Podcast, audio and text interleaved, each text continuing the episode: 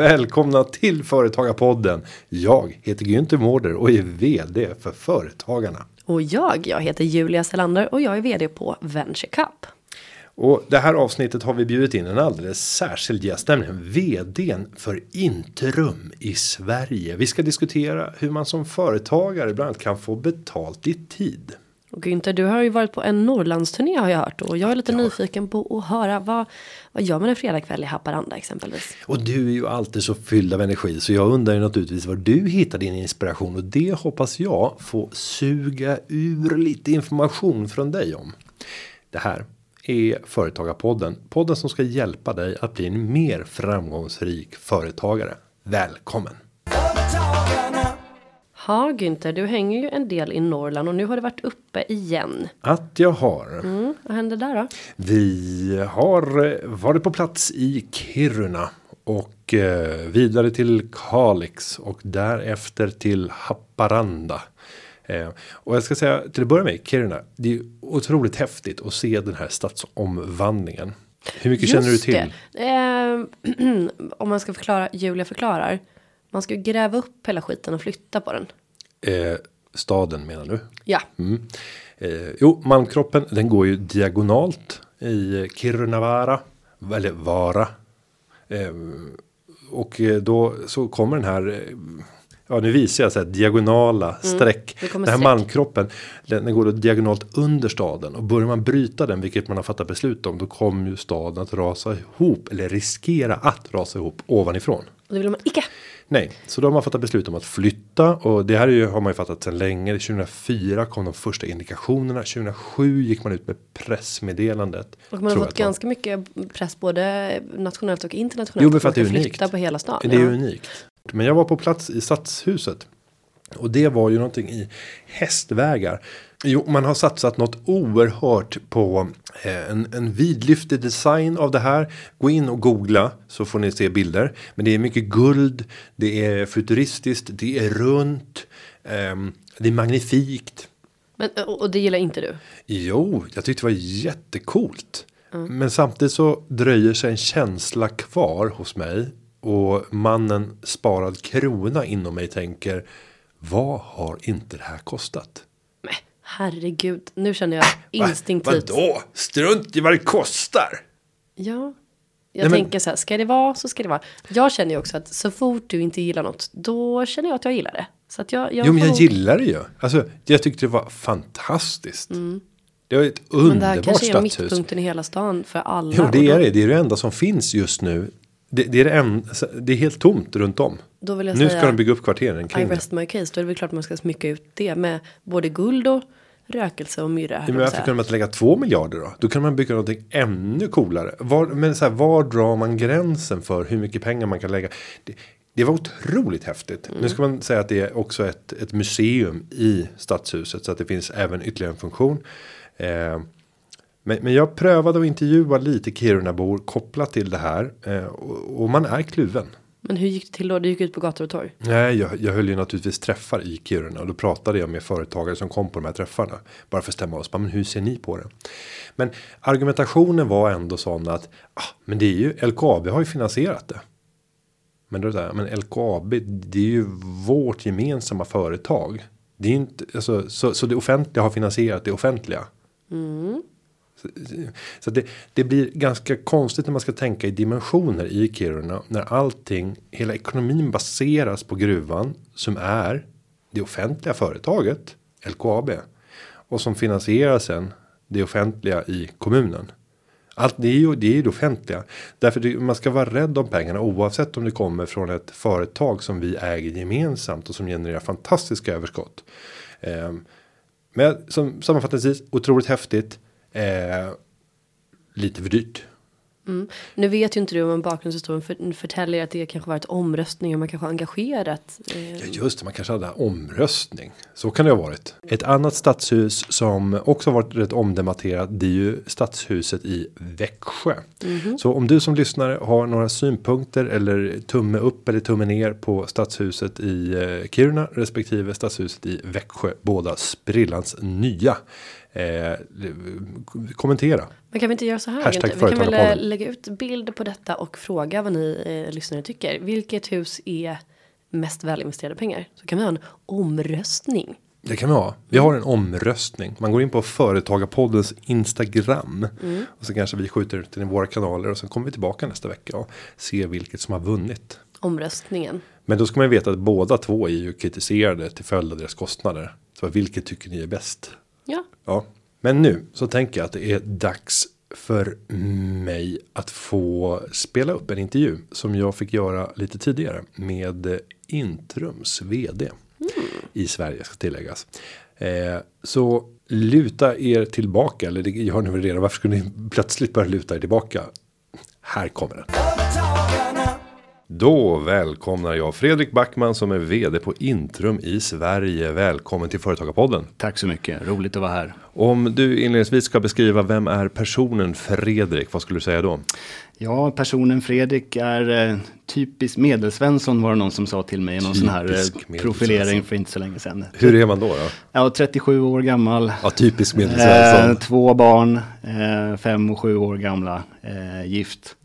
Ja, där någonstans. Ja.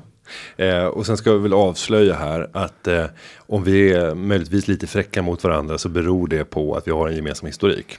Det stämmer. Du och jag har ju ett förflutet tillsammans från Handelshögskolan där vi satt i styrelsen för studentkåren tillsammans. Så där har jag ett och annat att dra fram om det skulle behövas Och i, jag under den här intervjun. har ännu mer om ni som lyssnar undrar. Så att det råder en fullständig terrorbalans här.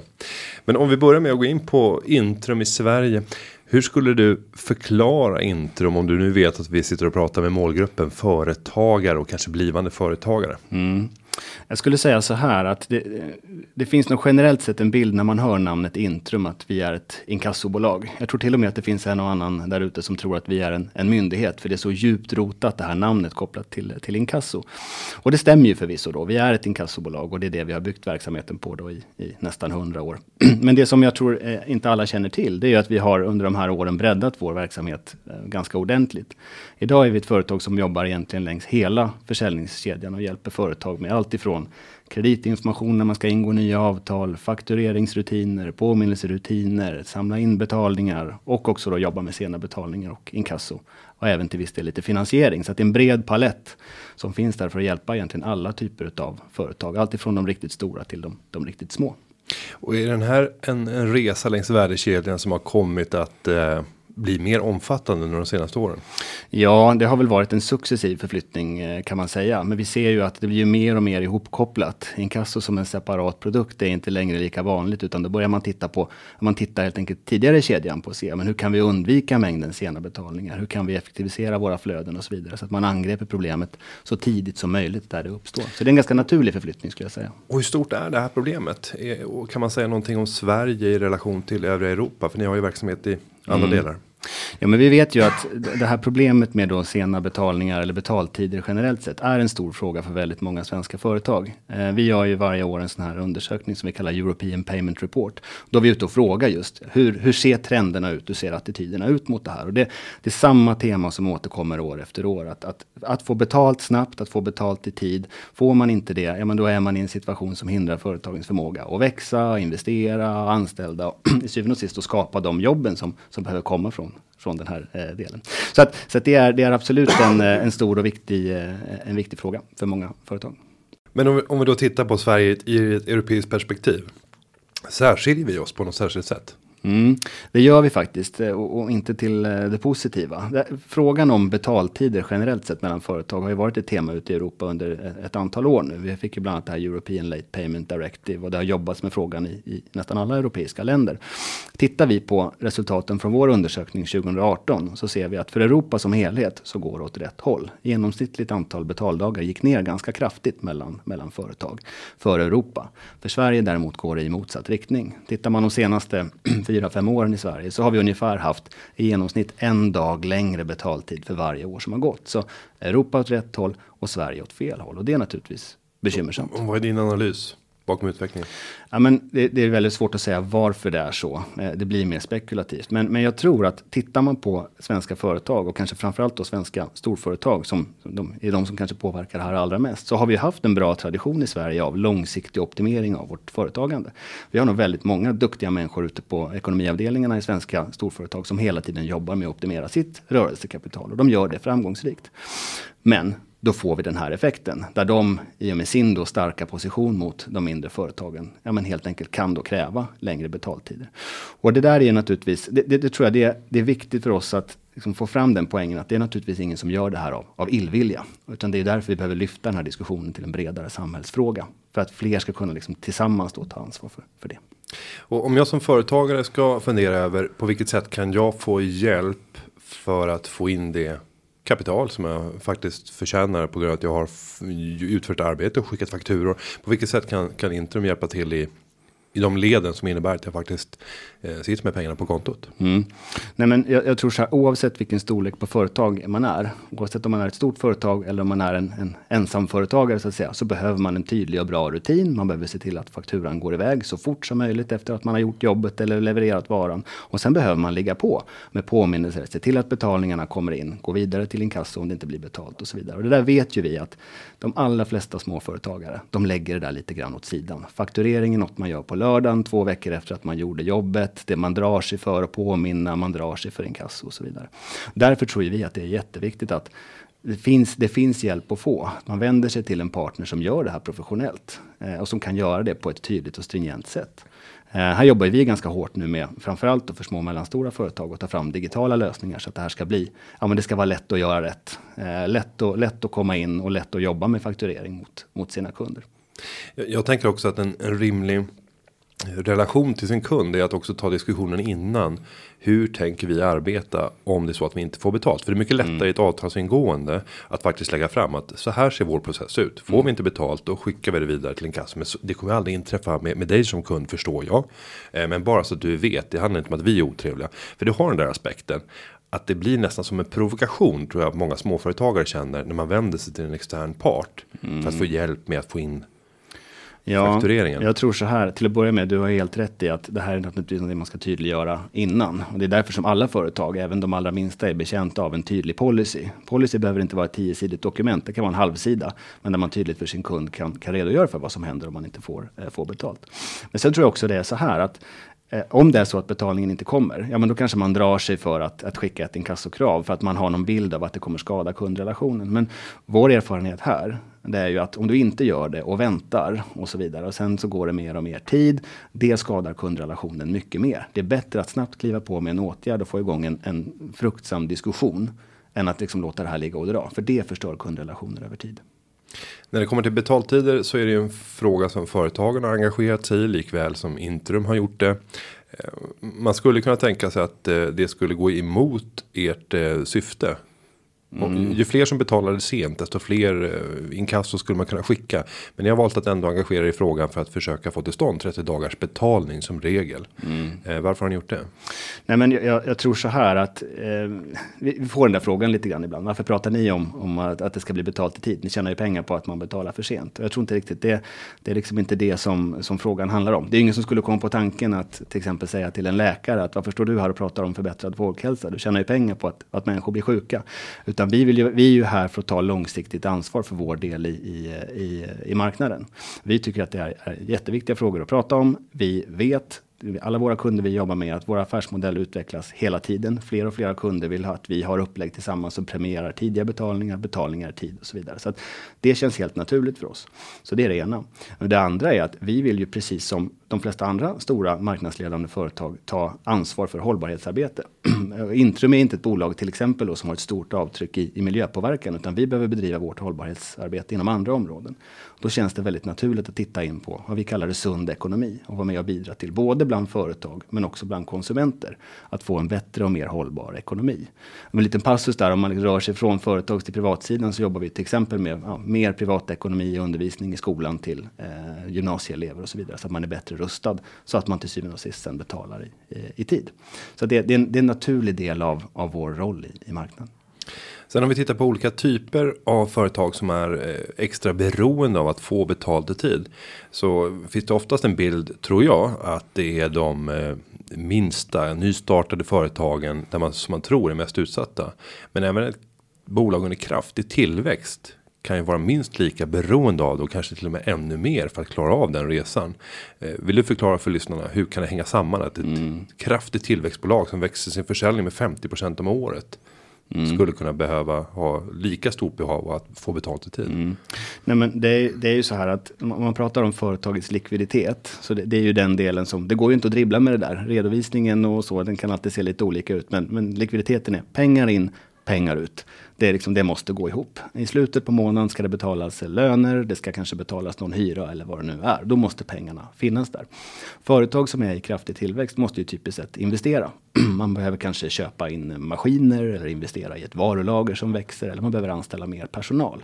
Ofta behöver de pengarna lämna företaget så att säga innan själva tillväxten kommer. Då behövs det någon form av eh, finansiering och det är klart att om man redan där har ett problem med att man får vänta väldigt länge på att få betalt från eh, sina kunder som man har sålt till. Ja, då finns inte pengarna där när lönerna ska betalas eller hyran ska betalas. Så då, då drar man sig för det här. Vi ser ju det tydligt i våra undersökningar att man frågar företagarna vad blir konsekvenserna av, av långa betaltider? Så, ja, men de som kommer fram, det, är, Eh, vi, det hindrar vår tillväxt. Eh, vi, det hindrar, vi, vi är oroliga för att vi kanske måste säga upp personal. Vi drar oss för att anställa och så vidare. Och det är det som behövs för att företaget ska kunna växa. Och jag menar, ni brukar ju prata om här på Företagarna, fyra av fem jobb skapas av, av, eh, av svenska småföretag. Ja, det är där tillväxten ska komma. Och det är därför vi tycker att det här är inte en fråga för enskilda företag, utan det är en fråga för, det är en fråga för hela samhället. Eh, som vi behöver engagera oss i tillsammans.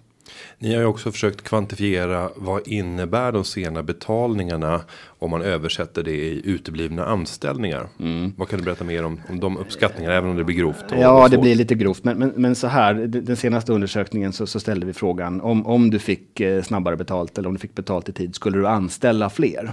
Och då var det så mycket som 18 procent som svarade att ja, det skulle jag sannolikt göra. Och det är klart, 18 procent av alla företag i Sverige, vad har vi, någon, någon eh, miljon företag totalt sett? Det blir väldigt mycket. Vi, jag tror vi i vår senaste beräkning sa ungefär 120 000 nya jobb. Men säg 100 000 jobb då, bara för att ha något att, att jobba med. Det är fortfarande en väldigt, väldigt stor del av den svenska arbetslösheten där nyckeln ligger här. Och det är naturligtvis vårt sätt att prata om det här som det här är inte ett problem för företagen. Det är ett problem för Sverige. Mm. Ja, så där ser man lite betydelsen av att eh, faktiskt se till att betalningar sker i tid. Om vi nu går över till lite mer tips och tricks. Om du skulle sitta som eh, rådgivare till en eh, företagare och eh, du ville optimera deras ekonomiska situation utifrån ja, den, den bakgrunden, den profilen som du har inom Intrum. Mm. Vad skulle du ge för, för råd och tips till personen? Nej, men de, de första frågorna man skulle vilja ställa det är ju just att titta på hur hanterar man de här administrativa rutinerna runt betalningar? För det är, alltså jag, jag vågar svära på att nästan vilken företagare du helst sätter dig ner med, så det där ligger inte top of mind. Utan man skulle börja med att titta på hur snabbt fakturerar du? Hur jobbar du med påminnelser? Hur jobbar du med inkasso och, och så vidare? Det skulle ju vara naturligt för oss att, att ta den riktningen. Min, min rekommendation, alltså givet hur det ser ut idag med utvecklingen av digitala verktyg. Vi har själva en, en helt digital lösning för småföretagare som hanterar alltihopa det här skulle jag säga. Se till att ta in hjälp av det där. Lägg ut det där på en tredje part. Skaffa dig en enkel rutin för att hantera det. För det kommer korta ner dina, din tid du får betalt. Och det, det kan vara ganska många dagar som det kan, det kan röra sig om. Och det kommer förbättra likviditeten. Så flytta bort det där från dig själv.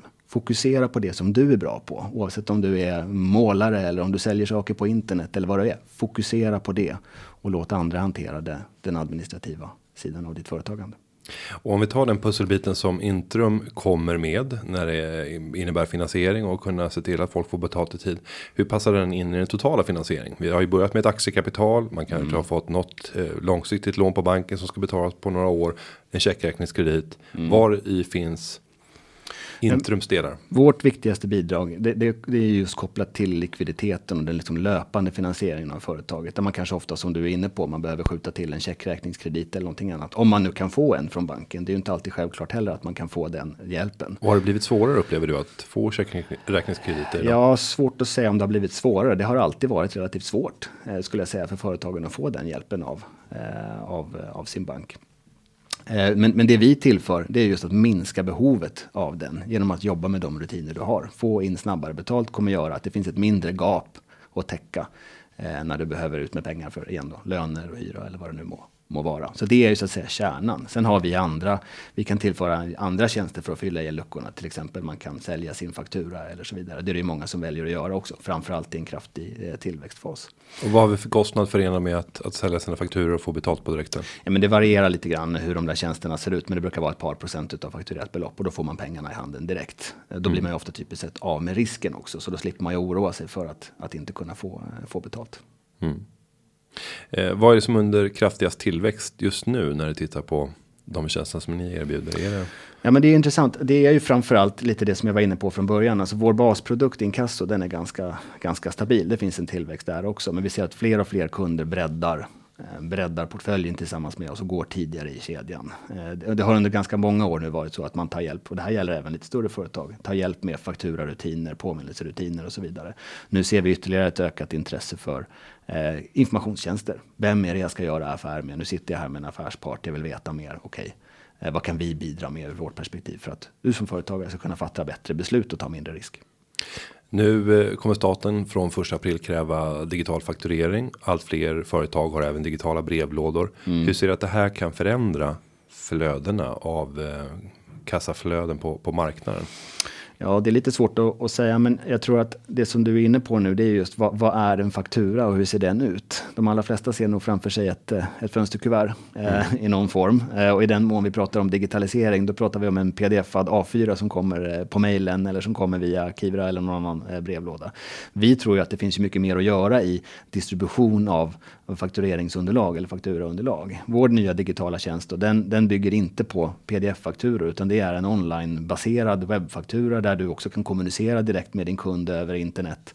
Så att du får en, en dialog runt fakturan. Du kan se om den har blivit betald eller inte direkt i det. Och det tror jag, att, att man liksom samverkar mer runt fakturan, det är nog en trend vi kommer se eh, mer och mer. Och jag tror att det kommer vara nödvändigt för att man ska komma fram Eh, till den som ska betala. Vi kan inte längre förvänta oss, tror jag, samma responsivitet på ja, fönsterkuvert. Och, och om ni fick drömma fritt, hur skulle strukturen för fakturering se ut om du även fick gå längre fram i digitaliseringen av flödena? Vilken typ av verktyg eller typ av faktureringsunderlag skulle ni vilja se för att kunna utveckla nya typer av tjänster och vad skulle det kunna vara i sådana fall? Mm. Ja, men det är nog det som jag, jag var inne på lite grann här, att, att fakturan blir mer ett, ett dynam, alltså en dynamisk plattform för både kommunikation från, från båda håll. Vi, vi ser ju till exempel nu att det är många företag som ser att ja, men, fakturan är kanske mitt allra bästa verktyg för att återkommande komma i kontakt eh, med min kund. Jag skickar ju trots allt någonting till den här kunden en gång i månaden eller vad det nu må vara, vad man har för, för tjänst. Och att med den kunna jobba då mer dynamiskt och kunna ha erbjudanden eller andra typer av kommunikationspaket i samma underlag. Det tror jag kommer komma eh, mer och mer. Eh, fler betalningsmöjligheter så att man kanske kommer bort ifrån lite det här att logga in på internetbanken och med bankdosan eller vad det är, utan att man jobbar med direkta mobila betalningar och där det finns en stor valfrihet. Så vi tror att fakturan kommer bli mer dynamisk på det, på det sättet. Också vad gäller kommunikationen. Att man direkt i det underlaget kan, ja, men, kan skriva i ett chattfönster eller vad man nu kan göra för att hålla kommunikationen med kunden. Och man skulle kunna tänka sig att det byggs ut för en funktionalitet att du som företagare när du fakturerar erbjuder olika betalalternativ och olika betalplaner till din kund. För att eh, det finns ju vissa företagare som sitter med ett kraftigt överskott av kapital och som inte riktigt vet vad de ska göra med pengarna och sen gör de lite konstiga affärer. Jag möter ju många inom företagen som har haft företag i 15, 20, 25 år och som sen väljer att köpa hyresfastigheter. F- För de är överkapitaliserade, de vill inte vara belånade, de vill säkra pensionen och det här är ett bra sätt. Och så gör man inom ramen för samma bolag som man bedriver verksamheten i. Och det är inte någonting jag skulle rekommendera. Då är det bättre att starta ett separat bolag i sådana fall och bygga upp det. Men för ett sånt bolag så skulle det kunna vara så att det hade varit mer lönsamt om du erbjuder kunderna att välj den här avbetalningsplanen på 24 månader på den här fakturan. Och så kan jag få en, en ränta på 4,95% effektivt på årsbasis. För den räntan kan jag inte få någon annanstans. Jag bedömer dig som motpart som rätt så säker.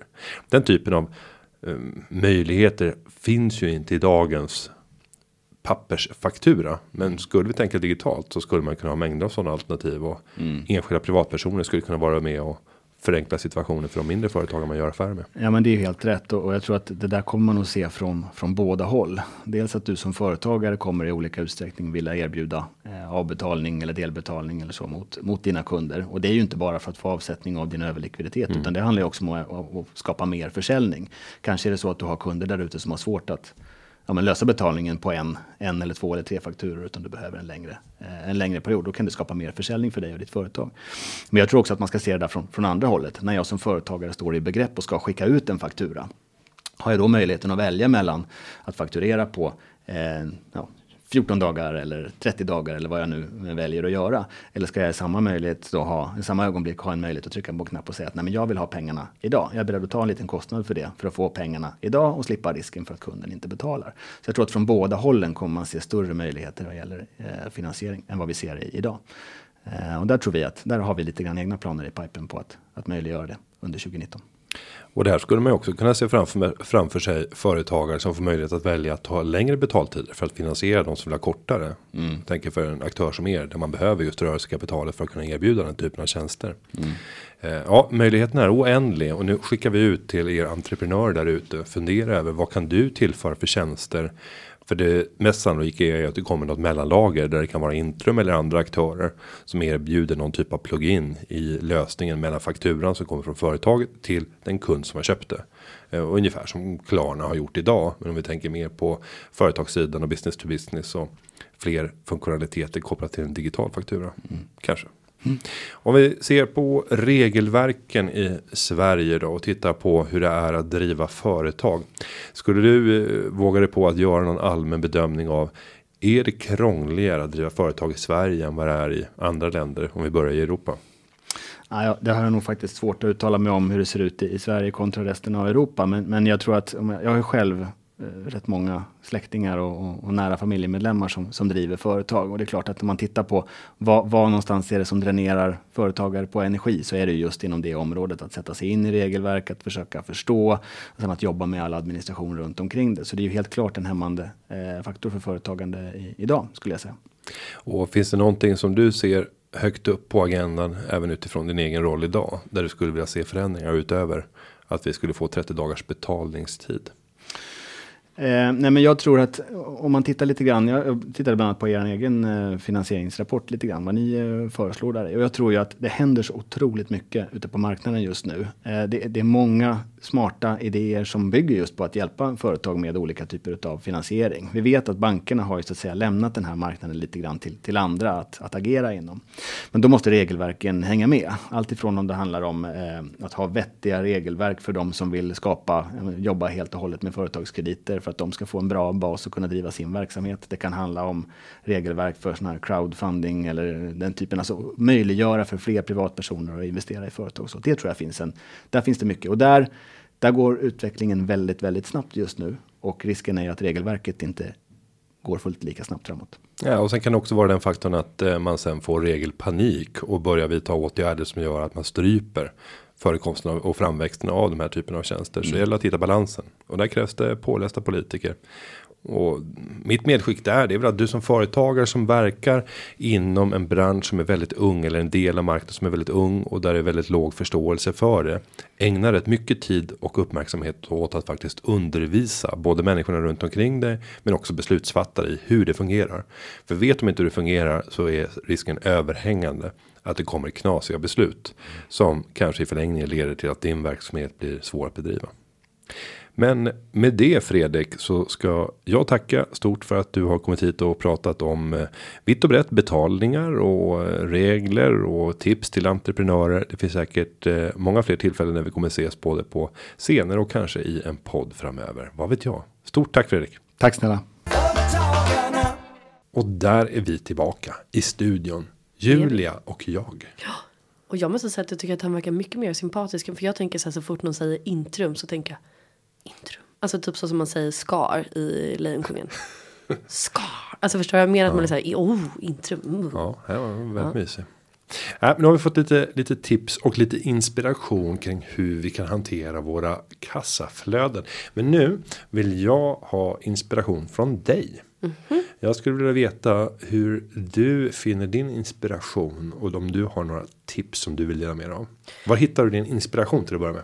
Förutom att jag eh, poddar med dig en gång i veckan. Åh, fina du! Ja. Grappen från syd. Greppen från syd. Eh, nej men det var kul att du frågar för att jag tänker så här.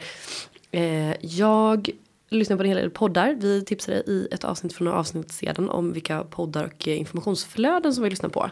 Då tänker jag en bra följd till det är eh, så läser jag en hel del. Alltså böcker. När hinner du göra det här då? Ja, det har vi också pratat om. Du har en bok i handen på tunnelbanan. Men du åker inte så mycket tunnelbana. Jag åker tunnelbana varje dag, 20 minuter åt vardera hållet. Ja, ja, det gör du ju. Ja. Ja.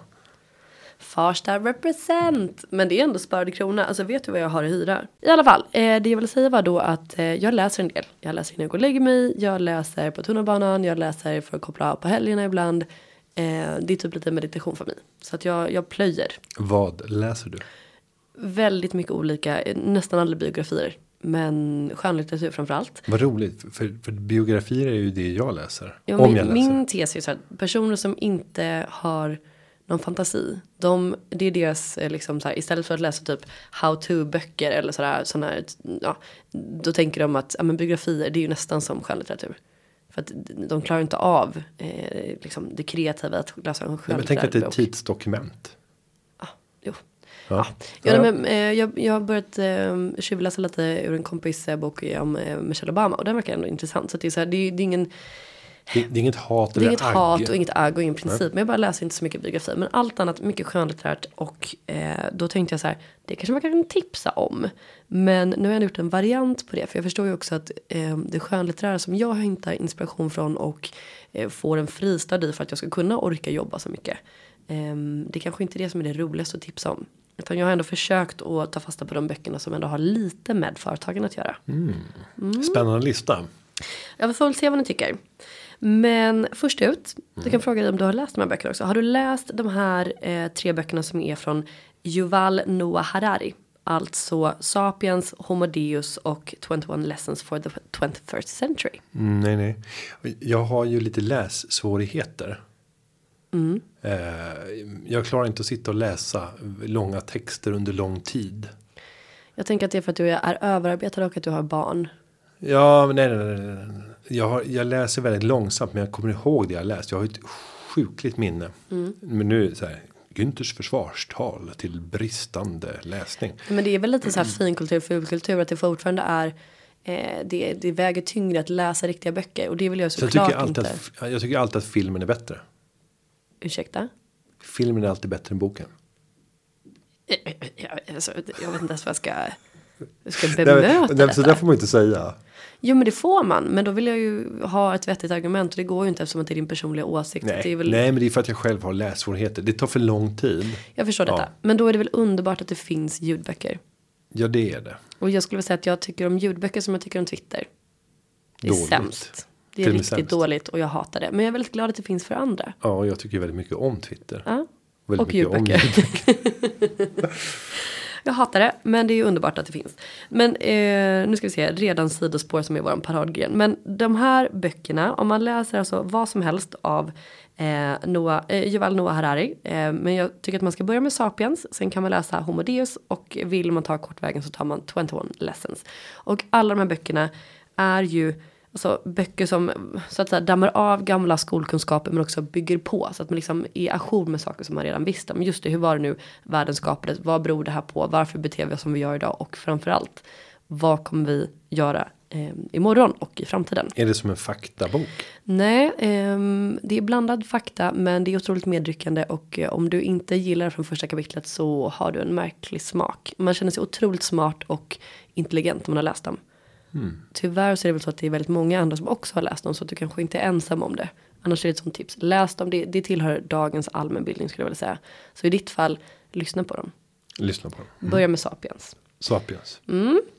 Okej, är du med nu i listan? Jag är med. Eh, tips nummer två, det är då att du ska damma av eh, dina kunskaper kring eh, feminism såklart. Ja, Det tycker väl du är kul? absolut. Mm. Jag är feminist.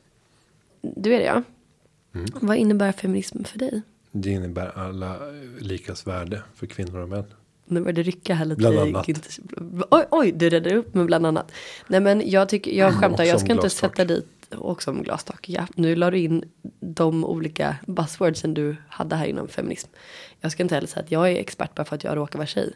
Eh, men om man vill bli det, då ska man läsa Feministfällan. Den är skriven av Nina Åkestam som är en ja, fantastisk människa. Eh, man kan följa henne på Instagram på Nina Åkestam. Men hon har skrivit en bok som är tunn, lättläst, den är väldigt smart och eh, ja, du borde kunna det som står i den här boken. Det finns liksom inga pekpinnar utan det handlar om ett tvärsnitt av samtiden. Okej, vad innebär det att vara feminist idag? Varför är det problematiskt att vi har någon slags eh, våg av, eh, bara du har en t-shirt där det står girl power så är du feminist. Hon hävdar att så inte är fallet. Um, och det finns tio olika kapitel som heter olika saker med fällor, det vill säga feministfällan, pappafällan, bla bla bla fällan och saker som man kanske ska ja, överväga och tänka om kring just vad gäller feminism. Och detta är viktigt i dagens samhälle. Även som företagare när du rekryterar, hur du kan ja, förbättra villkoren för din personal eller hur du kan bli mer framgångsrik som företagare skulle jag vilja hävda. Hör till allmänbildningen också. Så att Feministfällan av Nina Åkestam, du läser den på en dag. Ja, pallar man inte göra det eh, så kan man ju istället läsa lite härlig feminism i serieform. Och då kan man läsa Einsteins nya fru av Liv Strömquist. Vet du vem Liv Strömquist är? Mm, nej. Jag tror att hon är feminist. Du tror det? Mm. Hon är också en idol och Som hon, eh, precis, hon är serietecknare men också samhällsdebattör. Hon har en podd som heter En varg söker sin podd. Eh, och hon är otroligt rolig. Hon är också med i Lilla Drevet, den här liksom, satirpodcasten om, om liksom, samtiden. Otroligt intelligent, så cool. Och hon gör samhällsproblem till eh, serier. Väldigt fantastiska att kolla på. Väldigt snygg att ha i bokhyllan och väldigt bra att ha som gå bort present. Så att eh, om du vill ha ett sparad krona-tips så kan du ju försiktigt bläddra igenom hela albumet själv och sen ge bort i gå bort-present. Varför blev det en lämplig gå bort? Därför att du är så otroligt medveten om du, om du vet vem hon är. Ett. Jaha. Två, eh, har koll på att du har, alltså om du har läst den. Då är det så här, aha men den här medelålders mannen Günther, han verkar fan vara, han verkar vara mjuk, härlig. Han har koll Bra. på sina feministiska grundvärderingar. Eh, istället för att man ger bort en tradig flaska vin eller något sånt så ger han bort den här. För det här, Ja. här ska vi läsa i familjen. Det hade väl ändå varit tips. något. Det är en bra tips. Ja. Mm. Eh, jag skulle kunna tippa på att de kostar runt 200 spänn. Det är väl en bra present. Är inte det lite mycket en gå bort present? Det tycker jag absolut inte. Då kanske du går på för dåliga middagar. Ja. Jag tänker att man ska gå plus. Annars, annars har man inte blivit bjuden på middag. Vi tar det sen. Eh, men det är, så att eh, antingen Nina Åkestam eller Einsteins nya fru av Liv Strömquist eh, hör till allmänbildningen. Nu kommer vi även in på någonting annat som man måste ha i schack för att kunna prestera som företagare. Hälsan. Bra Günther. Jag är inte 10 dum. poäng. Nej, du, nej, det har jag inte sagt. jag har tänkt många gånger. Men eh, hälsan, precis. Så att eh, jag är vegetarian. Ish. Ja, viltkött är okej. Nej, fast jag äter ju aldrig viltkött för att jag har ju- För det du var ju- får inga viltkött. Men om du hade Exakt. fått viltkött så hade du ätit Exakt, viltkött. så att jag, jag äter fisk ibland. Men annars äter jag vegetariskt och det tycker jag att fler borde göra. Inte minst för att man mår mycket bättre. Och det är det som tipset går ut på. Att om du ska orka prestera, jobba hårt, tänka smart. Då bör du ja, äta bra helt enkelt. Och om du vill göra det på ett roligt sätt så kan du följa Eh, vad heter de nu då? Jo, de heter Green Kitchen at Home eh, heter boken. Den är skriven av Da- David Frankel och Louise Windahl. Och de har en tes om att såklart kroppen är en maskin och det du stoppar in, det får du ut. Så stoppar du i skit så kommer det ut skit. Gör det ändå, men du fattar vad jag menar. Eh, så att du kan, eh, du kan följa Green Kitchen på Instagram också. För då får man så här snabba tips på vad man ska laga. Det blir kul, det är gott. Alltså, ja, du måste äta bra för att kunna prestera. Det, det håller inte att käka leverpastejmackor och fläskkotlett och kött mer än max en gång i veckan om du ska vara en hållbar företagare, tycker jag. Mm, jag har en annan bild där. Mm, du har det va? Sen har vi en bok som är lite av en klassiker. Har du lyssnat på den här kanske? Som heter Thinking Fast and Slow. Mm, Kahneman. Exakt. Vad tycker du om den? Jo, eh, bra resonemang. Mm. Och eh, det där var ju väldigt i ropet kring eh, var det 2011 någonstans där. Mm, Där eh, man diskuterade om det här väldigt mycket. Jag hade det som stort tema på Eh, och hur det här påverkar de finansiella marknaderna. På Nordnet Live när det begav sig 2013 tror jag jag hade en sån programpunkt. Exakt, klassiker. Men den är ganska ny för mig och jag tycker att den är fantastisk. Så att eh, läs den och det är ett sånt tips om då om den inte är i ropet just nu så vill man ju nästan inte tipsa om den. För att man känner att man har ett litet övertag över sina medmänniskor när man har läst den tycker jag. Mm, men, men folk har ju en tendens att glömma väldigt fort också. Så att, att plocka fram någonting som var väldigt poppis för fem år sedan kan vara väldigt effektivt. Då har folk hunnit glömma. Exakt. Ja, så att eh, Daniel Kahneman, Thinking Fast and Slow heter den. Sen om vi går vidare på att hålla hjärnan ajour så finns det en till bok som är skriven av Anders Hansen som heter Hjärnstark. Ja, känner du till den? Mm, nej. Nej. Den handlar ju om att du behöver faktiskt öva upp eh, muskeln, hjärnan, genom att träna. Det, och det tror jag är rimligt. Jag tror att många blir fördummade när man bara lägger av. Typ så här. Pensionera sig utan att säkerställa att man har någonting som faktiskt vitaliserar en i kroppen. Mm. Nej, men jag skulle vilja säga att så fort, ja nej, det ska vi inte vara, jag är ju uppvuxen i en, en träningsnarkomanfamilj höll jag på att säga. Min pappa är ju fortfarande eh, juniortränare i friidrott och sådär och jag har ju vuxit upp med det där. Sen har jag inte alltid följt det i alla år i mitt liv kan jag väl säga. Men det är otroligt viktigt att motionera för att må bra och prestera. Och du som företagare eller eh, som vill jobba hårt och komma någonstans. Du måste röra på dig. That's it. Sen kan du välja vilken form du vill i princip. Men du måste röra på dig. Inte minst, inte bara för kroppen. Utan även för hjärnan. Eh, och det tycker jag att eh, den här boken är otroligt bra för att få upp, få upp en ur soffan. Helt enkelt. Vilka, vilka tips? Ja, och sen har vi en till. En till. Känner du till Jordan B. Peterson? Nej. Nej, då kan du lyssna på 12 rules for life. En podd. Eh, ja, alltså det är egentligen en, en YouTube-kanal. Det finns också podcast och det finns också en bok. Så att du kan börja, äh, kör boken. Och så är det ju 12 rules då, så är det 12 eh, kapitel. Kan du plöja ett i taget. Kan du lyssna på när du kör bil kanske. Eh, Jordan B. Peterson är ju ganska provocerande. Han eh, har vissa teser som jag inte håller med om. Men jag skulle vilja säga att har man inte, känner man inte till honom eller har hört vad hans teser är. Så ligger man lite efter i samhällsdebatten. Så att eh, in och kolla där, eller lyssna. Och sen har jag också några bubblare. Lite snabbt. Nej, vi gör så här. Eh, Du lägger ut dem. Bubblarna lägger du ut på Vi hjulet. skiter i bubblarna, vi gör så här. Vi tipsar tillbaka. Det är eh, Harari, det är alltså Sapiens Homo Deus. Vi har Nina Åkestam med Feministfällan. Vi har Einsteins nya fru med Liv Strömquist. Vi har eh, Green Kitchen at Home om man vill hålla sig fräsch i kroppen. Vill man hålla sig fräsch i hjärnan så eh, läser man eller lyssnar på Hjärnstark av Anders Hansen. Eller Thinking Fast and Slow av Daniel Kahneman. Och din hemläxa är då att ta reda på vem Jordan B. Peterson är. Mm, det ska jag titta på på YouTube. På Youtube, vad härligt. Eh, hoppas och tror att ni har massa andra boktips till mig. Ja, släng upp dem under hashtag företagarpodden på Instagram och på Twitter. Dela med dig av ditt boktips till Julia och till mig. Ja, det. Ja.